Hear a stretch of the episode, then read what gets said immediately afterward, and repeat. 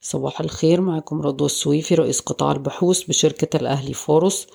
بعد شهادات الإيداع المقومة بالدولار الأمريكي الصادرة عن بنوك القطاع العام والارتفاع غير المتوقع في سعر الفايدة من قبل لجنة السياسة النقدية وبالأخص أن مراجعة صندوق النقد الدولي على مصر المفروض ميعادها التالي في سبتمبر بدأ السوق يركز مرة تانية على المستفيدين من الضعف في الجنيه المصري. بفكركم أن مصر للألمنيوم وعز ستيل وأوراسكوم للفنادق وطلعت مصطفى وبنك أبو ظبي الإسلامي مصر ما وصلتش لقيمتها العادلة في خلال الارتفاعات السابقة للسوق وبالتالي عندها فرصة للصعود آه، في موجة الارتفاعات الحالية. الاحتياطي النقدي لمصر ارتفع ل 34.9 مليار دولار في شهر يوليو من 34.8 مليار دولار في شهر يونيو. تستعد مصر لدفع 848 آه، مليون دولار لصندوق النقد الدولي في أغسطس على ثلاثة أقساط.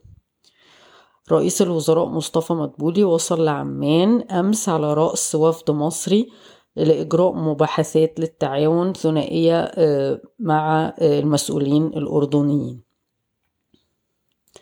تم تمديد الموعد النهائي للمناقصة الدولية للتنقيب عن الذهب لشركة شلاتين المملوكة للدولة آه، لنوفمبر من الموعد السابق اللي هو كان 10 أغسطس من أجل مشاركة المزيد من الدول.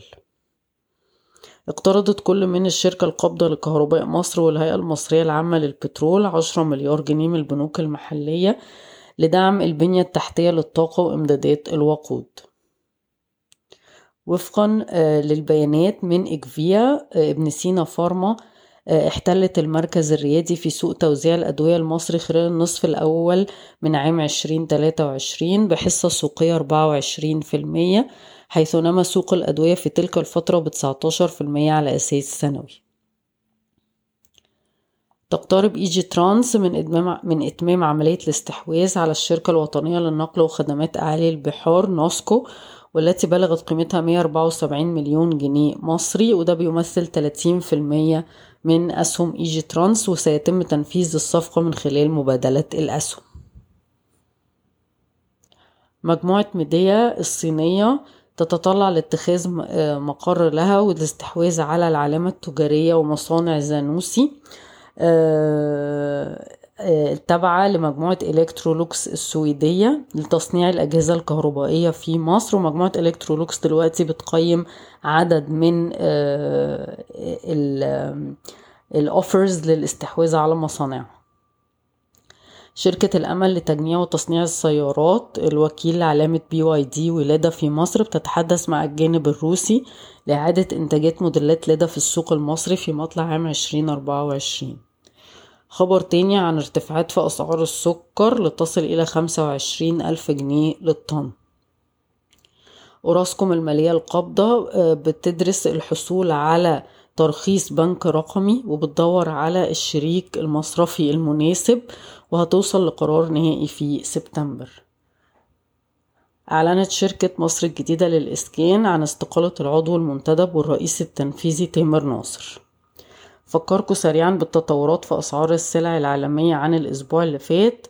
آه برضو معظم الاتجاه صعودي آه، ما عدا آه، المنتجات أو الخامات بالنسبة للأغذية والمشروبات. البرنت طالع واحد ونص في المية لستة وتمانين دولار للبرميل. اليوريا طالعة سبعة وستين دولار للطن تلاتة ونص في المية فوق.